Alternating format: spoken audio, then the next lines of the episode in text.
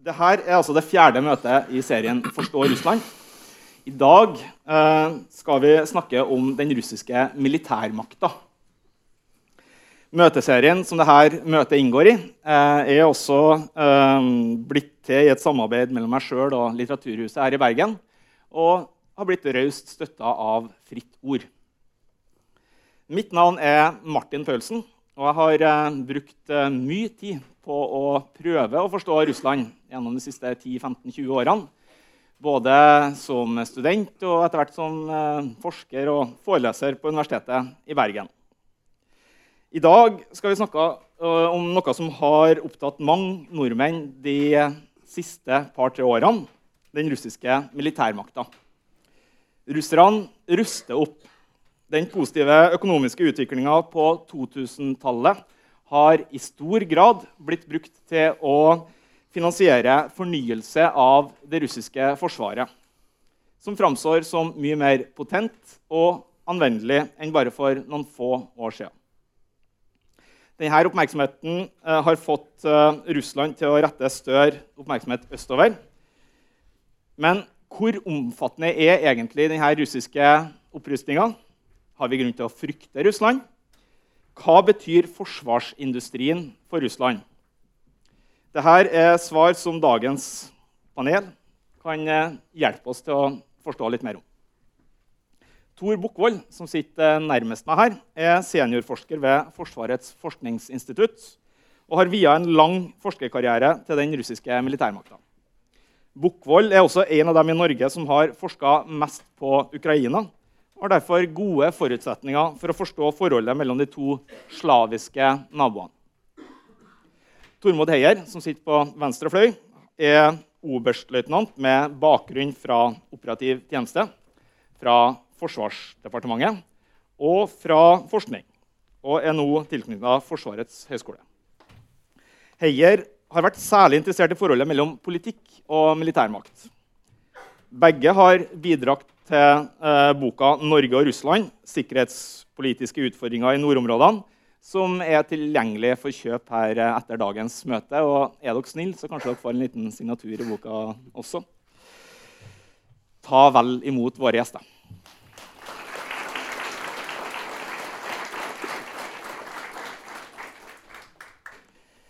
La oss eh, starte Tor og Tormod, med det dagsaktuelle norske. For to uker siden så lanserte regjeringa sin oppdaterte nordområdestrategi. Der peker den norske regjeringa særlig på to faktorer som har endra forutsetningene for forsvaret av Norge i nord gjennom det siste tiåret. Den russiske annekteringa av Krimhalvøya og den russiske opprustinga i nord. Spørsmålet da er hvor viktig er den russiske faktoren i dette samla norske trusselbildet i dag? Ja, skal jeg begynne? Eh, jeg vil, tror jeg vil si at eh, Den russiske faktoren i norsk forsvarstenkning den er rett og slett eh, helt dimensjonerende. Det var én ting som var veldig klart etter at Norge ble angrepet av tyskerne 9.4.1940. Og det var at landet er altfor stort, befolkningen er altfor liten til å kunne klare seg selv alene i en eventuell krig med stormaktene. Og Norges posisjon var mer og mer utsatt både fra øst og fra vest, slik at man søkte da naturlig nok medlemskap i, i Nato nettopp for å søke en viss grad av jevnbyrdighet mot Russland. Så det er på mange måter den uh, store men vi kan, ikke, vi kan ikke bruke ordet trussel i dag. Det er jo ingen trussel. Men det er en, potens, som vi sier politisk korrekt, en potensiell risiko. Ja. Har du noe du vil tilføye? Ja, nei, nei, jeg er helt enig. Um, det som mye diskuteres, er jo Krim og det som skjedde, hvor stor overføringsverdi har det til nordområdene? Det er klart at Den, den er begrensa fordi at uh, den russiske maktbruken mot Ukraina har, eller Ukraina og Russland har et helt annet forhold seg imellom enn det Norge og Russland har. Så altså, Russland mener å ha en rett til å bestemme en viss grad Ukrainas utvikling. Noen sånne ideer har de ikke om Norge.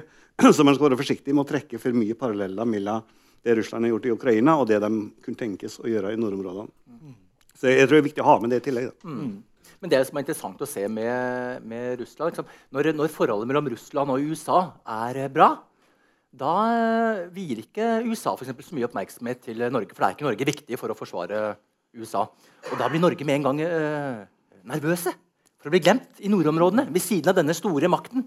Og liksom, Vi kan jo risikere det største marerittet eh, blant norske myndigheter. Å oppleve altså konflikter som er for store for Norge, men for små for eh, Nato. Og liksom livredd for å ende opp i denne gråsonen da, i, i, en bilateral konflikt med Russland. Og da ser vi i sånne perioder så ser vi liksom at, at uh, Norge inviterer amerikanerne inn for å ikke bli glemt.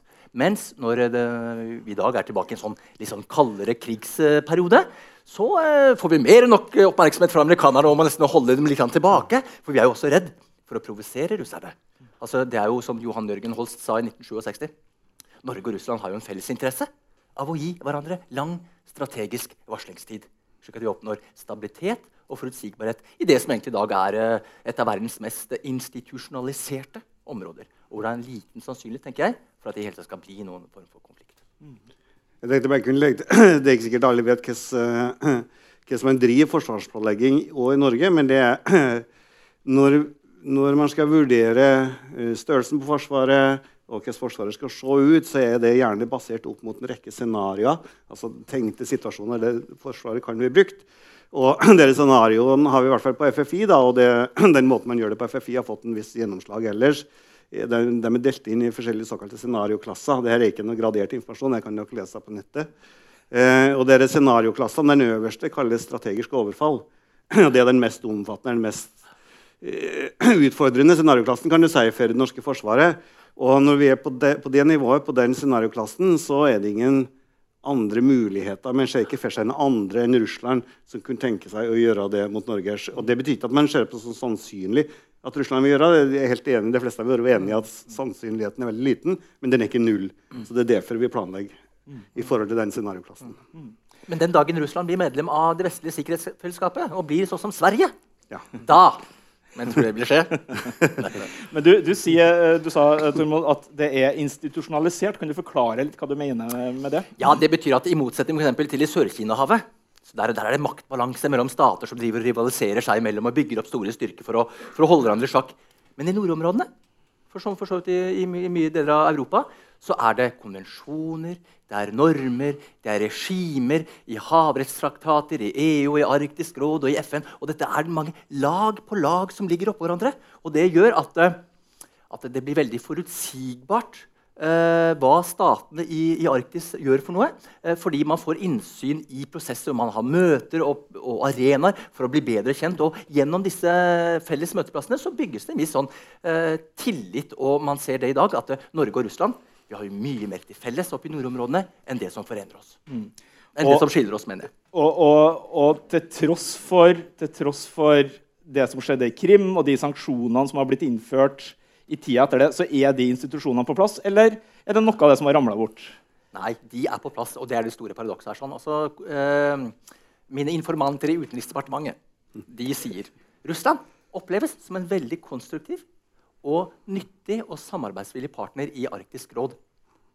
Fordi de har de samme interessene som Norge i å, i å følge institusjonelle normer og regler i FN-systemet når det gjelder kartlegging av uh, havbunnen under, uh, under uh, Nordpolen i forhold til å lete etter olje og gass.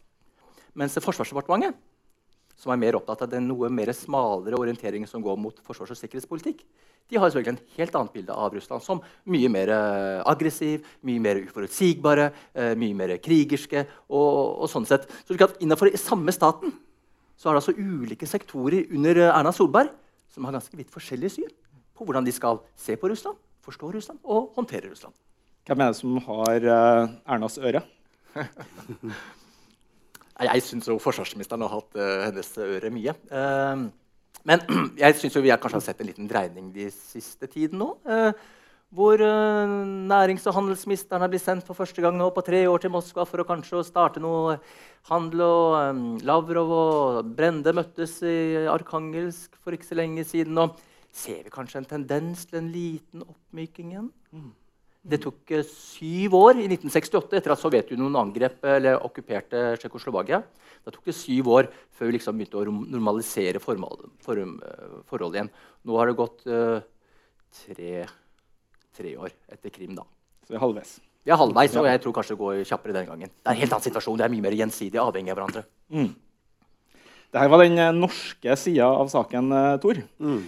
Hvis eh, vi skal gå over til å snakke mer om den russiske sida Russland har gjennomgått en opprustning gjennom de siste egentlig, par tiårene. Kan du beskrive litt for oss hva denne opprustninga på russisk side har eh, bestått i? Ja, det kan jeg. Det, det, det jeg tror jeg skal starte med å si, er at og som det sikkert de fleste har fått med seg, er at den russiske militærmakten i dag er bedre, mer effektiv, enn den var for en sju-åtte år siden. Eh, det er ikke bare pga. at de har brukt mye mer penger på Forsvaret. Det er like viktig er at de i 2008 starta en forsvarsreform. Der de, den hadde mange element, men det viktigste var at man gikk fra å ha en gigantisk mobiliseringshær som sannsynligvis aldri ville kunne brukes, men som kosta veldig mye penger, til å ha en mye mindre eh, det man, kaller, man, kan kalle en slags innsatsstyrke. Da. Det er fremdeles snakk om en million mann, så det, det, er stort i hvert fall i forhold til, til, til, Norge. Men eh, det er mye færre enn det de opprinnelig hadde. Så man har konsentrert pengene da, kan du si, ned på mye færre folk. Som gjør at du har eh, mye, de kan settes i sving mye fortere. De er mye bedre trent. og de er mye bedre organisert for krigføring. Så det er kanskje det er halvparten av det for å forklare at Russland har blitt sterkere militært. Og det andre er jo det som du hentyda til, at de bruker veldig mye penger på Forsvaret. I 2011 så bestemte de seg for å tridoble innkjøpene til Forsvaret. altså våpenkjøpene. Og Det er jo enormt. Det er ikke mange forsvar i verden som plutselig får tre ganger så mye penger som de hadde året før for å kjøpe våpen. Eh, nå må det må det tas med her at uh, de kjøpte ikke våpen i 15 år, fra 1990 og til 2005. For da var den russiske økonomien helt ødelagt. Så det var et ekstremt etterslep. altså 15 år uten investeringer betyr at det er ganske mye som du skal ta igjen. Så det betyr at i antall enheter, kan du si, antall våpensystem, sånn så blir det ikke nødvendigvis veldig mye flere. Men det er, det er mye mer moderne og bedre, det utstyret de har. Og så Siste skal jeg ikke ta altfor lang tid, men i fjor var det første året det, siden 1999 der de russiske militærutgiftene gikk ned. Og det er viktig å få med seg at det ser ut som de har nådd på en måte et tak her nå. da, Ikke mye penger de kan bruke på Forsvaret. Det gikk ikke veldig ned, men eh, budsjettet for i 2017 ser også ut til å fortsette eh, trenden med en liten nedgang. Eh, og det, det, har jo selvfølgelig med den økonomiske krisa som kom etter Krim, men det, har, det var også for så vidt varsla før her. Så det, jeg tror det er en forståelse i den russiske eliten at eh, det er en grense for hvor mye penger man kan bruke på Forsvaret. Mm. Mm. Men samtidig så, så ja, De bruker vel er ikke, rundt 5,4% av BNP ja, på, på, forsvar. Men likevel, det budsjettet vet du, det er jo bare en tiendedel av hva amerikanerne bruker. Ja, bare amerikanske hæren amerikanske hæren i en forsvarsgren i USA får dobbelt så mye penger som alle de russiske styrkene til sammen. Uh, Russland har et BNP på størrelse med Spania. Eh, de er jo en økonomisk mygg. Og selv om de har gjennomført reformer nå i, i ti år, så har vi i Vesten brukt 20 år på våre reformer, og vi har ikke blitt sånn kjempemye bedre. Litt bedre, riktignok. Så jeg tenker at vi må være forsiktige med å ikke overvurdere dem. Jeg, jeg føler kanskje at de, er, at de, er, så svake at de kanskje kan bli litt uforutsigbare og, og, og, og farlige.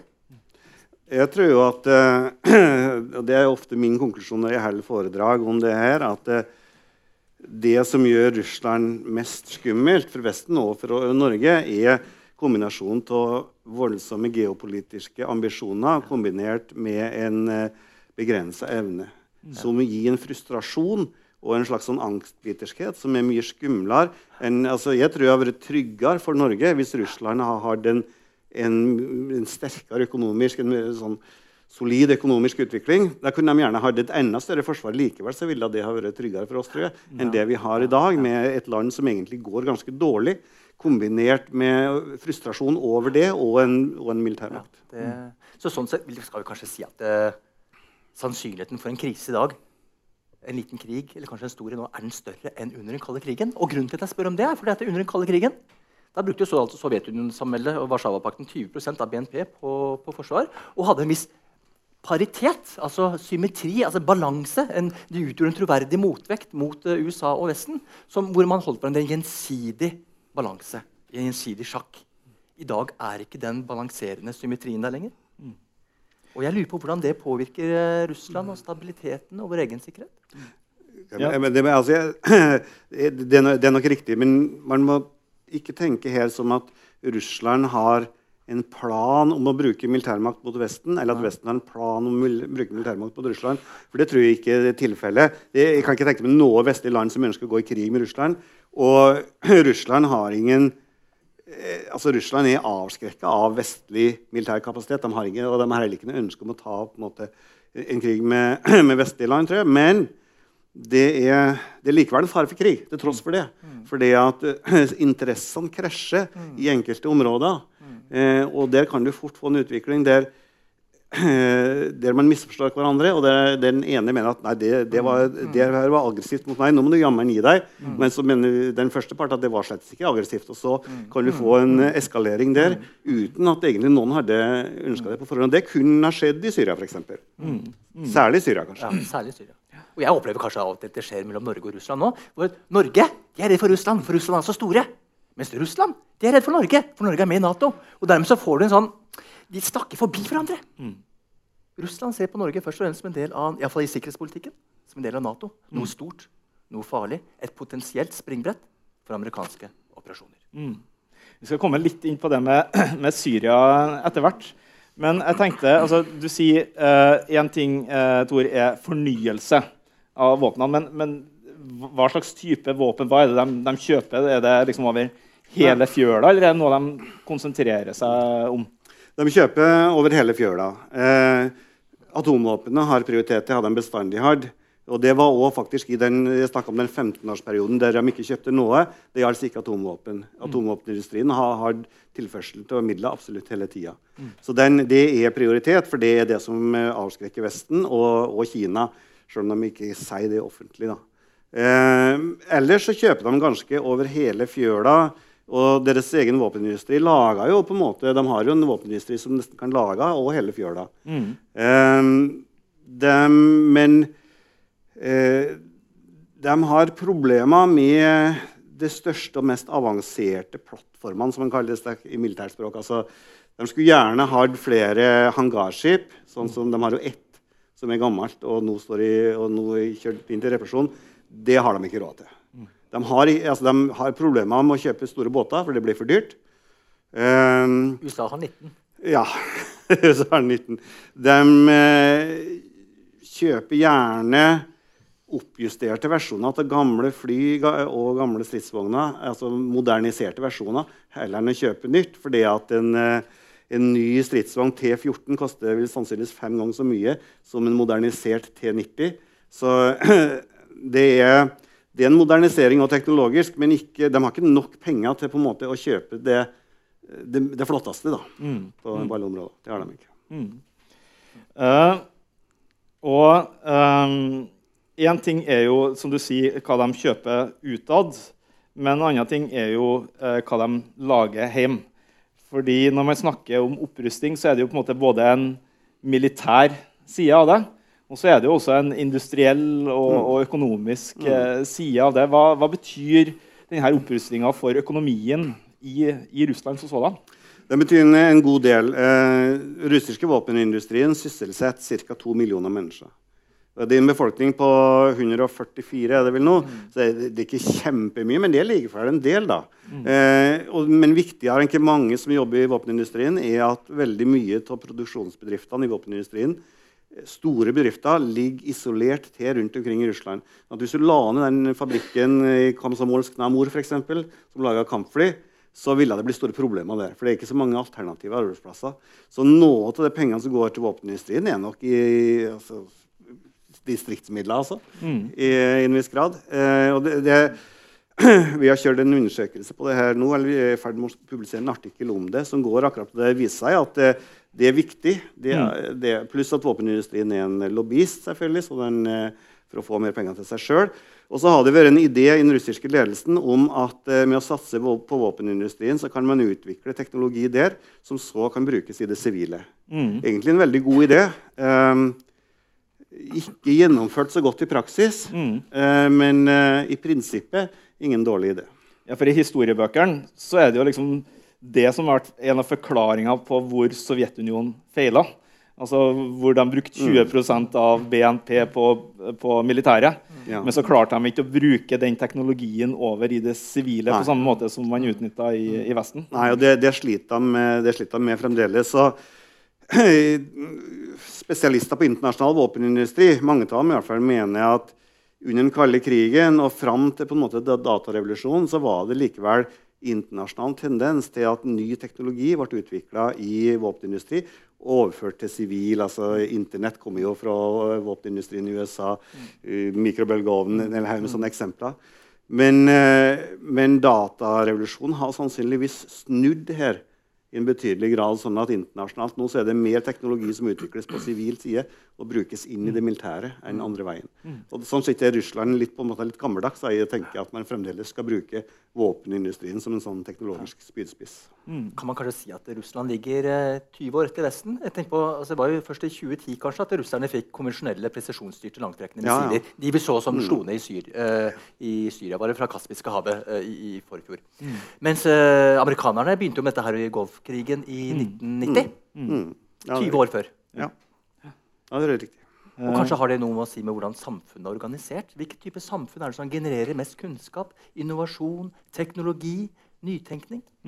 Er det de totalitære, eller er det de åpne liberale? Det var et retorisk spørsmål. selvfølgelig. Men det forklarer noe om denne tilbakeliggenheten, og den kompenseres med volum. Og så er det en tredje faktor her. Fordi eh, det er vel sagt det at eh, det finnes knapt den væpna konflikten i verden hvor det ikke er en Kalasjnikov involvert.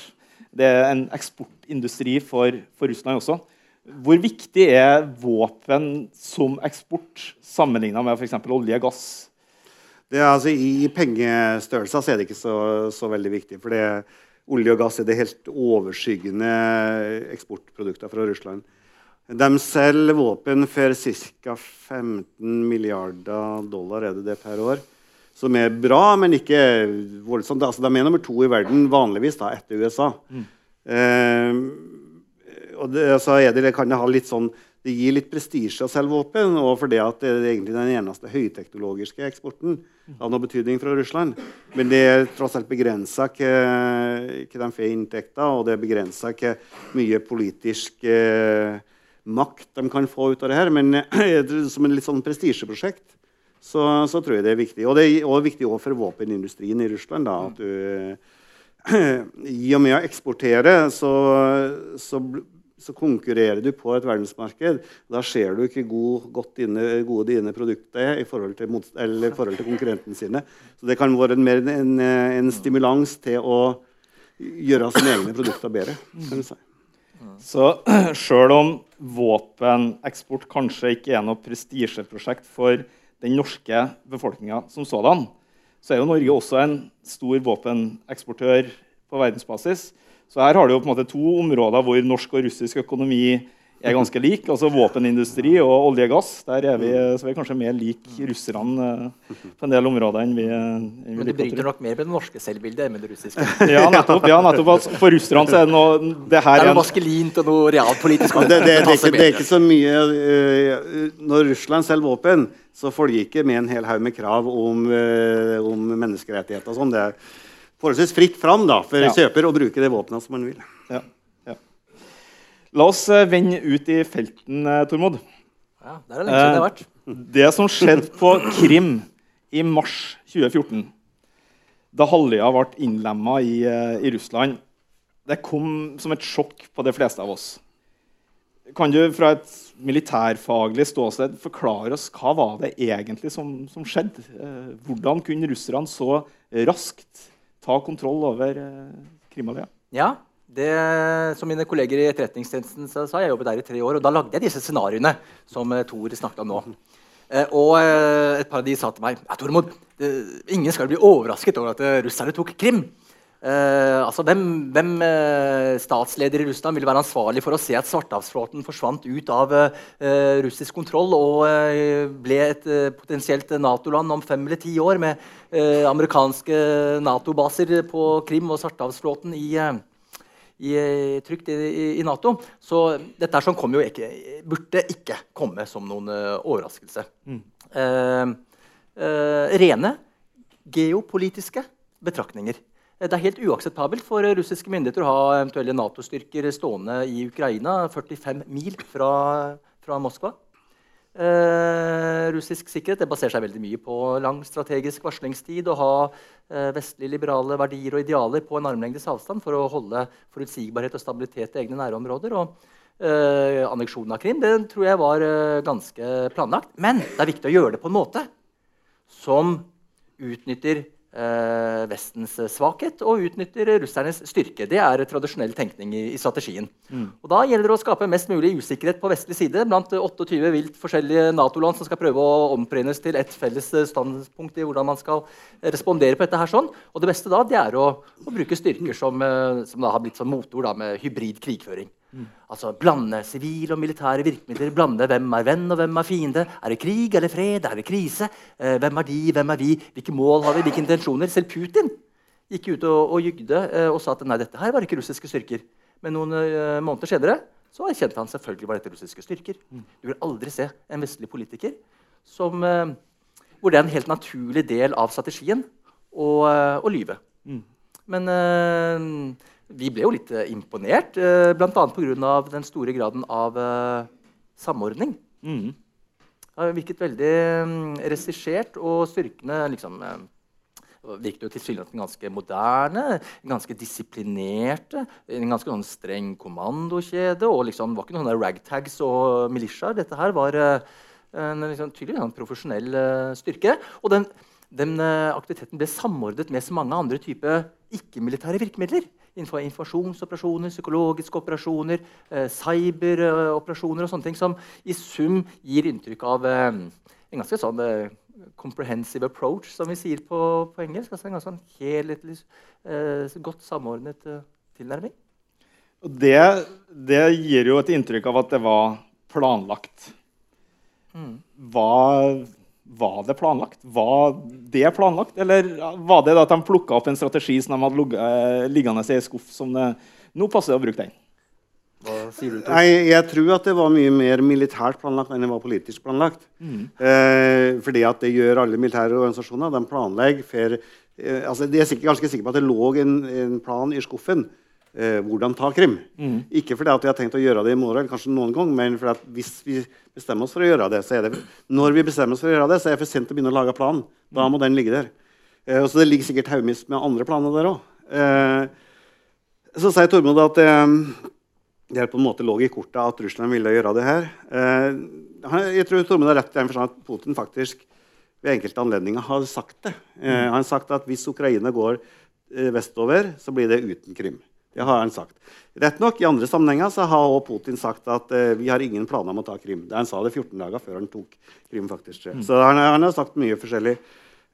Men Det er eh, jo det som er interessant. Nettopp det at han sier mye forskjellig. Ja. Det er jo det her des deception. Ja, Villedning. det er det. er jo liksom kanskje noe av det russerne er mest kjent for innenfor ja. militær tenkning. Jeg tror bare vi skal ikke overdrive hva langtids altså, Av og til så blir Kreml og Putin framstilt som en sånn eh, som sitter og tenker 100 år fram i tid og veldig Jeg tror ikke at beslutningstagning foregår sånn i, i Moskva. I, eh, den gjør ikke det i stor grad i vestlige land. Hvorfor skulle den gjøre det i Moskva? Eh, Jeg har bare lyst til å si at Når det gjelder det med, med angrepet på Krim, da, så vi har kontakt med et forskningsinstitutt i Moskva som er langt fra vestlig liberalt. Det er eh, patrioter og eh, langt unna vestlige, oss vestlige politisk sett. Og med gode forbindelser til den russiske forsvarsledelsen. De var akkurat like overraska som oss over eh, Krim når det faktisk skjedde. Sjøl om Putin har sagt forskjellige ting i forhold. Men altså, det at han faktisk gjorde det, lå langt inne for dem å tro òg. Du starta med, med denne Svartehavsflåta, og den er åpenbart viktig for russerne. Men hvorfor er det så viktig at den ligger akkurat på Krim? De har jo en egen svartehavskystlinje også. Hadde de ikke bare kunnet flytta den? Jo, men dette var jo Sevastopol, denne marine, russiske marinebasen. Det, altså det er hele den militære infrastrukturen. Den ligger jo på Krimhalvøya. Og eh, det vil jo ta tiår å bygge opp en tilsvarende militær infrastruktur et annet sted. Eh, og den er jo ganske strategisk beliggenhet. Det har vært krig der hvor uh, Storbritannia og Frankrike angrep jo Krimhalvøya i eh, 1864-67. Så um, det er et viktig springbrett for å ha kontroll med Svartehavet. For et land, verdens største land, som altså begynner å bli omringet og låst inne på alle verdenshjørner. Det er bare Nordpolen igjen hvor de har aksess ut i det frie havet. Altså, jeg, jeg, tror Tormod har helt rett i at eh, det geopolitiske og frykten for eh, Nato-kontroll over Krim var en del av motivasjonen mm. eh, for Russland når det gjaldt å ta Krim. Det som selvfølgelig er et paradoks her, da, er at fram til Krim så ikke, ønska ikke ukrainerne Nato-medlemskap. Altså, hvis du, Meningsmålingene av den ukrainske befolkninga viste at Ca. 20 av ukrainerne ønska inn i Nato. Det tallet var stabilt over veldig mange år. Selv krigen i Georgia i 2008 førte ikke til noe større ønske i den ukrainske befolkninga om Nato-medlemskap. Mm. Etter Krim, og særlig etter Donbas, så viser meningsmålinga i Ukraina fra 50 til 70% støtte for Nato-medlemskap. Så med å gjøre dette her, så har de på en måte skubba resten av Ukraina eh, mye lenger i, eh, i retning Nato. Mm. Så kanskje fikk Huntington rett. Han skrev jo i 1996 The Clash of Civilization. Hvis dere går inn på side 32 i den boka, så skriver han Det var ja, i 96, da.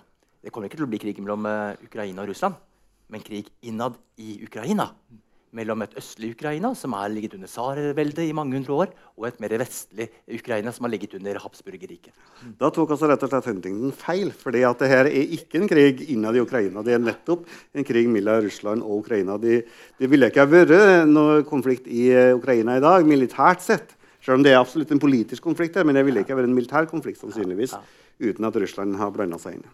Nå føler jeg meg tilbake på auditoriet på statsvitenskap, grunnfag, altså på slutten av 90-tallet. Det Huntington diskuteres i det vide og brede. Eh, men vi har allerede nevnt Donbass. Fordi at her har vi snakka om to områder av Ukraina som har blitt invadert av Russland. Det ene var, eh, gikk veldig fort eh, og fikk en, en veldig sånn eh, definitiv status ganske raskt. De facto per i dag så er Krim en del av Russland. I praksis er det dem som har kontroll over Krimhalvøya i dag. Men i Øst-Ukraina, altså på fastlandet i Ukraina, i Donbas-området, så er situasjonen veldig uavklart. Hva er det som er forskjellig sånn militært sett mellom de to ulike eh, operasjonene, eh, Tor? Veldig stor forskjell. Eh, Krim var en planlagt militæraksjon som ble gjennomført veldig fort og veldig vellykka. Eh, Donbas var delvis et resultat tror jeg, at det gikk så bra på Krim. Eh, men det, jeg har prøvd å, å, finne ut en del om det her.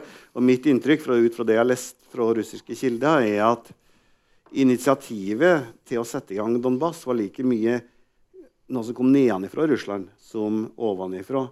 Eh, sånn at det var altså Det var bl.a. en oligark som heter Malafejev. Det var en del andre som måtte foreslo for Putin at eh, det gikk bra på Krim. Kanskje vi skulle prøve noe i Øst-Ukraina. Og så må man ta med her at Store deler av Øst- og Sør-Ukraina var veldig imot det som hadde skjedd i Kiev. Altså Maidan det var en stor motstand mot det. Så jeg tror, og det var jo òg demonstrasjoner i store byer i Øst-Ukraina mot det som hadde skjedd i, i Kiev. Så her så man nok da, i en del i Russland så en mulighet for med forholdsvis billige og enkle midler å sette i gang et, eh, eller i hvert fall bidra til et opprør som kanskje allerede delvis var på vei av seg sjøl. Og at det ville spre seg fort i betydelige deler av Ukraina og legge et stort press på Kiev. Og så kunne man presse Kiev politisk på en del viktige spørsmål for, eh, for Moskva. Mm. Men kom, veldig viktig å komme på her at Jeg tror aldri i løpet av Donbass-konflikten at Russland har lyst til å ta de områdene, sånn som mm. de tok Krim. Mm. Og det her har jeg fått bekrefta fra folk jeg har snakka med i Moskva, at vår interesse for Donbas er rent instrumentell. Vi bruker det kun for å, legge, for å presse Kiev på en del eh, politiske spørsmål. Ikke fordi vi er interessert i befolkninga som er der, eller for at vi frykter at de skal bli plaga på noe vis, men det her er noe vi kan bruke for å presse Kiev i en retning som vi ønsker.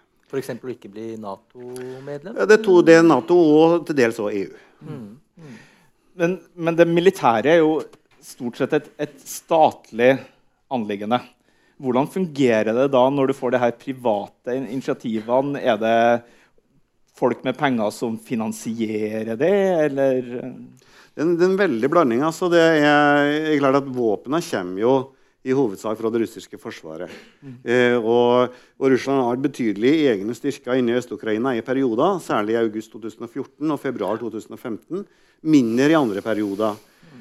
Eh, men er, de har også sats, på en måte outsourca kan du si, en del. Da, sånn at den opprørsbevegelsen som, eh, som er i Øst-Ukraina, den består jo delvis av folk fra området, delvis av russisk fri, russiske frivillige. altså Folk som ikke er i forsvaret i Russland, men som har kommet fra Russland for å slåss sammen med de opprørerne. Det er de to hovedgruppene. Og så er det en del russiske offiserer i ledende kommandostillinger og i forhold til mer sånn kompliserte våpensystem. Men i hovedsak så er det russiske frivillige og ukrainske borgere fra, fra Øst-Ukraina. Mm. Men så har man uh, i tillegg til det så har man delvis brukt litt sånn russiske private militære selskap, som er en ting som er i, ferd med å vokse fram veldig nå. Mm. Man har støtta Kosakka, som har en sånn delvis uavhengig posisjon. Mm. Det, de har vært mye mye mer liberal måte med å outsource voldsbruk ja. til Eh, til, organ, til, organisasjoner som er mindre under statens kontroll. Da. Mm. Blir det da vanskelig å få til en fred fordi det er flere aktører å forholde seg til som ikke nødvendigvis har de samme agendaene?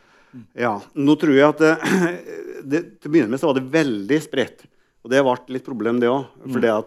De, de, har jo tross alt forhandla i, i, Minsk i flere runder. og så Det som Russland har gjort etter den første perioden, er nok å samle det her mer, sånn at du nå har en mer eh, kontroll. Så de har jo en del av opprørslederne i øst er jo fjerna, mm. altså skutt.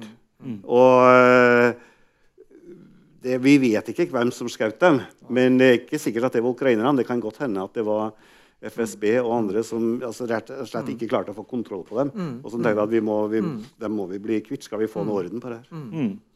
Og Vi skal ikke snakke så veldig mye om den ukrainske sida, men Nei. det er klart at der også på den ukrainske sida er det også litt det samme bildet til både statlige og ja. mer eller mindre private det, det, aktører. Det er jo på den sida. Ja. Uh, Dette er jo ikke første gangen at Russland engasjerer seg militært utenfor sine egne grenser uh, de siste årene, og heller ikke siste. Uh, vi har invasjonen av Georgia i 2008 som et talende eksempel. Men vi har også det som skjer i, i Syria. Den russiske innsatsen i Syria eh, den siste tida. Eh, hva er det som har kjennetegna russernes militære innsatser utenlandsk de siste årene? Ja, det har jo ikke vært så mye av de uh, utenfor deres nære utland. selvfølgelig, Men det som har kjennetegnet eh, Syria-konflikten med det russiske engasjementet, og som har vakt ganske sterke reaksjoner i Vesten, mm det er måten russerne driver krig på. Og det er altså de, eh, Aleppo. Ganske likt eh, krigen de kjørte i Tsjetsjenia i 94-96 og i 2000. De legger kvartal for kvartal flatt. Og det, det, sier noe om eh, hvilken sikkerhetstenkning hvilken sikkerhetslogikk er det som uh, kjennetegner russisk militærmakt i forhold til uh, vestlig militærmakt, som vi tror er så sofistikert. Vi driver med kirurgisk krigføring. Norske F-16 over Tripoli, stummende mørke 20 000 fot over bakken. Sirklet og ventet på at kinoen skulle bli tom for publikum før de kunne gå ned og bombe Gaddafis bunker ved siden av menneskelig sikkerhet. ikke sant? Det er utvida sikkerhetsbegrepet til Vesten. Menneskelig sikkerhet. Vi bomber på en veldig nøysom, avansert, eh, sofistikert, nyansert måte. Ikke, uover, ikke mye maktbruk. Mens eh, måten russerne angrep eh, støttet Assad-regimet på, og, og angrep eh, Aleppo, det var bare å bombe sånn som i Tsjetsjenia, kvartal for kvartal. Og Det er dels fordi at eh, de ikke har den type presisjonsvåpen som vi snakket om i stad. Mm -hmm. Men det er også at de har en helt annen måte å tenke sikkerhet på. Eh, menneskelig sikkerhet betyr ikke like mye i Russland tenker jeg, som i Vest-Europa, hvor vi liksom fikk dette utvida sikkerhetsbegrepet med humanitære intensjoner på 1990- og 2000-tallet. Nei, det er staten. Statens overlevelse og hovedaktørene i, i, internasjonal politikk det er stater. Det er det som gir forutsigbarhet, det er det som gir stabilitet. Slik at eh, da blir liksom eh, en bydel her og en bydel der det blir litt sånn uh, uinteressant. altså. Mm. Eh, det er viktig for eh, Russland å opprettholde staten Syria sin overlevelse og opprettholde et allianseforhold som har vart siden 1960-tallet, med nære bånd. Eh, og dessuten er vel også Syria et viktig brohode for russiske marinestyrker i området, og et mulig springbrett for innflytelse, som også kan faktisk gjøre at Russland kan bli litt Uh, sole seg litt i glansen uh, i internasjonal politikk, og har vel egentlig vært en game changer må jeg si, i fredsprosessen som har uh, har preget Syria den siste tiden. Og det er liksom, noe kanskje vi ikke liker å se i Vest-Europa. at Denne brutale måten å bruke makt på, som russerne gjorde i Syria, den ser faktisk kanskje ut til å ha virket litt frem. I den forstand at man har tvunget partene til en form for fredsforhandlinger. Mm. Mm. Og da du sier sole seg i glansen. Da er litt av det som ligger bak der, det er at man har et ønske om å være en som blir regna med i, i de Mm. prosessene som, mm. som foregår. Og bli respektert og bli likeverdig behandlet som en av flere store makter i internasjonal politikk. De er lutlei av denne uh, unilaterale, dominerende amerikanske The unipolar moment som inntraff etter den kalde krigens slutt i 1990. Mm. Mm. Men er det grunn til å forvente at det kan skje andre plasser enn Syria? Altså, vi snakker om forskjellen på det nære eh, utlandet, som er altså Georgia og Ukraina, som er eh, deler av det tidligere Sovjetunionen. Men Syria er på en måte unntaket fordi at det er langt eh, lenger unna. det ikke var en del av det. Kan man se for seg at de kan ha, se at nå har de lyktes i Syria? Og vil ønske å gjøre det i en konflikt som oppstår i land X neste år? Jeg tror ikke det, for jeg tror dette var en veldig risikabel ting å gjøre. For russerne, De har jo, tenk på, de har jo 20 millioner muslimer innenfor egne grenser. altså 15% av befolkningen er jo muslimer. Mm. Ehm, så det er en stor risiko. Eh, og jeg tror i utgangspunktet all bruk av russisk makt det er i defensiv hensikt. Mm. Som en reaksjon på noe som har skjedd. Altså, de er ikke ute etter å ekspandere territoriet sitt, Mm. men de er ute etter å beskytte seg selv. Eh, så jeg, eh, De største sannsynlighetene Tor, hvor skulle det vært? Det måtte vært i nære utlandet et eller annet sted. Ja, det tror jeg. En, en annen ting altså En ting er ikke de måtte ønske, men eh, her går det opp av kapasitet. Mm. Det er altså mye vanskeligere å føre krig i Syria enn det er i Ukraina. Ukraina er bare rett over grensa, men Syria er langt unna. Så den store utfordringa for Russland når det gjelder krigføringa i Syria, har jo vært å frakte alt utstyret fra Russland ned til Syria, bruke det, sende det hjem for reparasjon. Det er, altså Drive krigføring så langt unna er vanskelig. Og de har jo brukt det de har, pluss litt til, av maritim transportkapasitet for å få alt utstyret ned dit. Så Jeg le- leste for ikke så lenge siden en russisk analyse som sa at den gode nyheten er at vi klarte dette her. Den dårlige nyheten er at vi klarer ikke noe mer. Dette er på en måte grensen til det vi klarer. Så kan man nok se for seg russiske militære engasjement utover det nære utland ellers òg, men da tror jeg de vil være mye mindre enn i Syria. Men det er klart, hvis du kan gå ned på å sende noen spesialstyrker, eksempel, eller det som krever begrensa med mannskap, begrensa med transportkapasitet og begrensa med ressurser, så, så er det en mulighet. Men jeg tror ikke det her er starten på store russiske militæraksjoner rundt omkring i verden. Nei, det har de, som Tormod sier, ikke spesielt stor eh, ønske om, og heller ikke kapasitet. Så vi må jo bare huske på at de er ikke så sterke og store. Og det er det som er det farlige.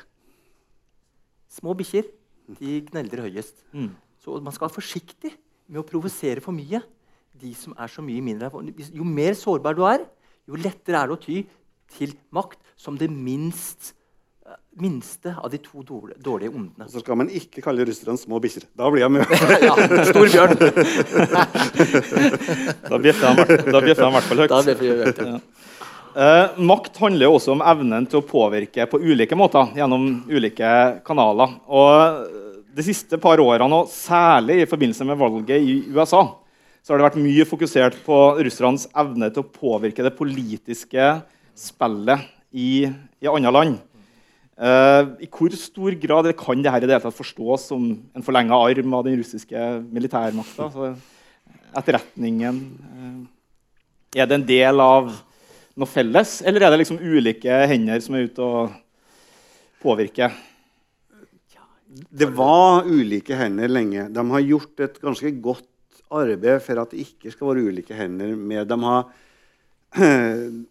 rent institusjonelt altså De laga et stort senter på eh, Moskvaelvas bredd som det er et koordineringssenter for alle mulige deler av den russiske statsmakten. Så de gjør veldig mye nå for å, at militære, sivile alle mulige statens virkemidler skal fungere i en enhet. Likevel så gjør de ikke det, for det, det er snakk om store organisasjoner med veldig, veldig mange ansatte, med mange underavdelinger, så det vil bestandig oppstå konflikter innad i sånne store organisasjoner som gjør at du får at det likevel ikke er så koordinert som de ønsker, men de prøver veldig i hvert fall, å, å koordinere det. Og vi ser jo Det det er jo et kjempebra virkemiddel for russerne å bruke. Det viktigste for russerne er å øve innflytelse med denne type virkemidler som uten at det trigger en artikkel 5, eller uten at det trigger en væpnet, for, eh, konflikt, for det vil de tape. Så alle typer virkemidler som kan øve politisk press uten at det genererer eh, som sagt, noe Nato-samhold eller en militær motreaksjon, Det er midt i blinken. Mm. Og artikkel 5 for dem som ikke drømmer om Nato hver natt, det er altså Musketerparagrafen. Én for alle, alle for én. Så hvis ett Nato-land blir angrepet, så skal de andre lojalt stille opp. I teorien. Men der og der uh, russerne spekulerer, det er bare i teorien. For med 28 vidt forskjellige medlemsland så er det svært lite sannsynlig at Portugal, og Hellas og Italia vil trigge en tredje verdenskrig for å redde Norge i et Svalbard-spørsmål uh, med Russland. Selvfølgelig vil ikke det. Og Det er denne type gråsonen, det er denne usikkerheten, som cyber er et ypperlig virkemiddel å, å prodde inn i. Mm. Som liksom, som sagt, er Norges største mareritt. Ende opp i en type konflikt med Russland som er for stor for Norge, men for liten for Nato. Mm. Jeg bare lyst til å si, så Vi er inne på det med cyber, og, det, og du nevnte USA. da, at Nå vet vi ikke resultatet av det her, men uh, det kan det tyder jo på at han prøvde å blande seg inn i det amerikanske presidentvalget. Det er sterke indisier på det. Mm. Og det kan ende opp med at det backfire totalt. At de ender opp med en dårligere forhold til USA mm. enn de i utgangspunktet ville ha fått. fordi at Pga. at det her har kommet opp i media, så må uh, Trump til dels gå bort fra det han, uh, han sa til å begynne med. Og, uh, og jeg mistenker òg, i hvert fall er det indisier på at noen innad i Kreml advarte om dette her, at det her er altfor risikabelt å begynne å blande seg inn i å påvirke resultatet i det amerikanske presidentvalget. Det kan backfire, og vi kommer i en dårligere situasjon overfor USA enn vi ellers ville ha gjort. Så det er ikke sikkert at, ja. at det i det lange løp i hvert fall eh, var lurt, sjøl om det, var, eh, det, ga en effekt. Mm. Men det er jo interessant at de åpenbart ønska mye heller Trump enn Hillary. Ja. Mm. Og det sier jo noe om Hillary, som jo har støttet alle de humanitære intervensjonene på 1990- og 2000-tallet som har gjennomført amerikanerne. En politikk som etter, med russiske øyne bidrar til mer ustabilitet og uforutsigbarhet i internasjonal politikk snarere enn stabilitet. Og det har hun kanskje noe rett i? Det var det amerikanske valget. Uh, og det, det, er et fransk valg nå hvor det har vært snakk om litt av det samme. Men for oss som sitter her, så er det det norske stortingsvalget til høsten som er mest nærliggende. Er det noen grunn til å tenke at russerne kunne være interessert i å prøve seg på det samme for å påvirke det norske valget? Jeg, hvis jeg skal starte, så Vi skal ikke være naive. Og vi har sett at russerne prøver forskjellige ting. Så man skal på en måte være forberedt på at sånne ting kan skje. Når det er sagt, så tviler jeg vel på det. Eh, kanskje først og fremst fordi at det er ikke kjempestore forskjeller blant de norske politiske partiene når det gjelder russlandspolitikken. Det er noen i eh, ja, Skal jeg være forsiktig Noen i, i, noen parti som har uh, betydelig større sympati for Russland enn andre. Men jevnt over så er det jo ganske stor enighet både om sanksjonene, om dialog med Russland. altså de store mm. linjene ser ut til å ligge der. Hadde vært, hadde vært ganske sånn uh, polarisert mm. i Norge, så tror jeg det vært større sjanse. Ja, helt enig. For eksempel, hvis Det har vært polarisert, altså det er den konsensusen det er det som har kjennetegnet norsk forsvars- og sikkerhetspolitikk. Livredde for å drive med noe avvik og noe uforutsigbart i forhold til USA og Russland. Lange linjer, stabilitet. De skal vite hvor vi har lille Norge, slik at det ikke blir noe uro. Så, men, så Det er jo det som er den styrken her. Sånn. Men jeg tenker, hvis for hadde vært en, en, en, hvis det kommer opp i en debatt da, nå i stortings, opp, oppkjøringa til stortingsvalget til høsten eh, Skal vi avvike litt fra basepolitikken? Skal vi begynne kanskje å tillate amerikanerne litt mer her? Eh, skal, vi, skal vi begynne å bli med i det amerikanske rakettskjoldet? Og Hvis det er noen partier som er veldig opptatt av det, mens andre partier er veldig imot det, da blir det litt sånn eh, interessant for russerne å, å ha en viss interesse av hvilket parti som kommer til makta eller ikke.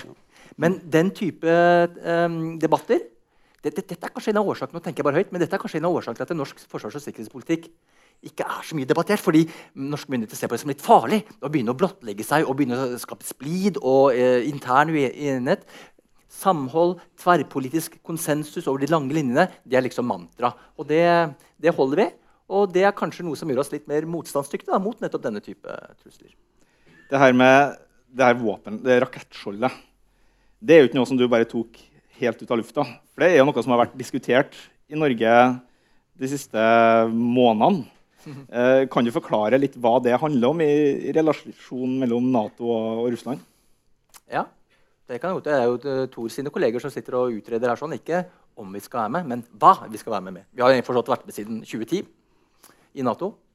Men nå har det jo begynt å materialisere seg i uh, substansielle teknologiske remedier som kan settes på norske fregatter. Og um, hva skal jeg si? På den ene side det er hyggelig å være en del av uh, det amerikanske rakettforsvaret.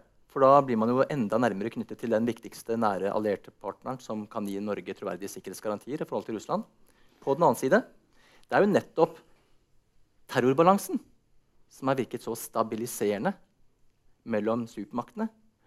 Og fra et russisk syn kan man da hevde at hvis man nå begynner å tukle med terrorbalansen, man kan begynne å frata Russland en troverdig andreslagsevne, så vil Russland, ifølge den uh, russiske ambassadøren i Oslo her uh, for noen uh, uker siden, kanskje se seg tvunget til å iverksette et forkjøpsangrep. Nettopp fordi denne stabiliserende terrorbalansen er i ferd med å bli undergravd. Mm. Mm. Jeg vet ikke, Tor, hva mener du? Jo, nei, altså, jeg vet ikke om alle vet hva en anslagsevne er. Men altså det at hvis du blir angrepet enten konvensjonelt eller, eller med atomvåpen, så skal du ha nok atomvåpen igjen etter det første bølgen mot deg til at du kan slå tilbake mot den som angrep deg. Og ideen er da at da, den som i utgangspunktet angrep, han vil ikke gjøre det, for at han vet at han vil få en sånn skur med atomvåpen mm. tilbake. Uh, ja. Problemet for russerne nå er at de opplever et sånn type rakettskjold som beveger seg, som går fra Svartehavet og helt opp til Nordishavet. Og da opplever de seg rett og slett som uh, omringet. Og um, nå er jo Norges lodd her i livet å ligge bare 12 mil fra den viktigste russiske andreslagsevnen på Kolahalvøya. Det er der de viktigste russiske atomubåtene er. Og den korteste missilbanen fra Russland over til østkysten av USA. Og det er derfor Norge er så utrolig viktig for amerikanerne. Og jeg skal vedde ganske mye på at de nye overvåkningsflyene vi har fått i maritim overvåkning oppe i, i nordområdene, som kommer nå med noen år, Eh, som de var i 1969 og 1980, ganske tungt finansiert av amerikanerne. Nettopp fordi vi er rett og slett en viktig lytte- og varslingspost for amerikansk sikkerhet. Altså, vi har vært mye snakk om det, det Marines på Værnes, eh, andre ting. Det, ja, Russerne hyler og skriker over Marines på Værnes. Det tror jeg er spill for galleriet. Men rakettskjoldet er viktig. Det, er, altså, det, går på det helt grunnleggende i russisk uh, sikkerhetstenkning. Så det er de noen og i Russland mener at det er en ubegrunna frykt. Altså, rent teknologisk så vil ikke dette rakettskjoldet kunne true den russiske anslagsevnen. Men per i dag så er det en ganske utbredt oppfatning i den russiske ledelsen om at det kan gjøre det. Ikke nødvendigvis til å begynne med, men hvis det ut, blir utvikla over flere stadium, stadier, stadier, så vil det til slutt Eh, blir så sterkt at det vil kunne true den såkalte anslagsevnen. Ja. Og jeg tror heller ikke Russerne har altfor mange missiler til å la seg stoppe av eh, noen sånne Men det er den, det er, det, altså, all, all, denne form for uh, militær maktutøvelse som vi snakker om her, det er til syvende og sist en form for politisk kommunikasjon. Det er det det er. Det er samme som når russerne flyr uh, bombefly med atomvåpen forbi norskekysten og ned engelske kanal og snurrer over et Nato-toppmøte i Amsterdam og flyr tilbake. Det er ikke fordi at det er ikke fordi de driver og trener på å angripe Europa med atomvåpen. for det pleier de å gjøre ute i Nordpolen, Men der er det ikke en kjeft som ser dem. Så dette er politisk kommunikasjon. Det er, det er å skremme, det er å avskrekke. Få, eh, få makt. Bli tatt alvorlig. Med det så vil jeg si tusen takk for at dere møtte opp i dag. Dette var det fjerde og siste møtet i denne serien denne våren. Vi driver og ser på mulighetene for å fortsette til høsten, så jeg vil anbefale dere å følge med på Litteraturhusets programslipp i høst. Kanskje møtes vi igjen til høsten. Eh, og før jeg takker av alle sammen, så vil jeg si at jeg fikk tips om et veldig interessant symposium i Jondal i slutten av juli, 28.-30. juli, om nytt fra eh, østfronten. Og jeg vet at det er representanter fra eh, det her um, Hardangerakademiet til stede i dag, som kan fortelle dere mer hvis dere er interessert i å høre om det. I tillegg så er det altså salg av bøker her framme. Og med det så vil jeg takke eh, Tor og Tormod for at dere kom i dag. Og ønske alle sammen en fortsatt fin vårkveld. Takk for i dag.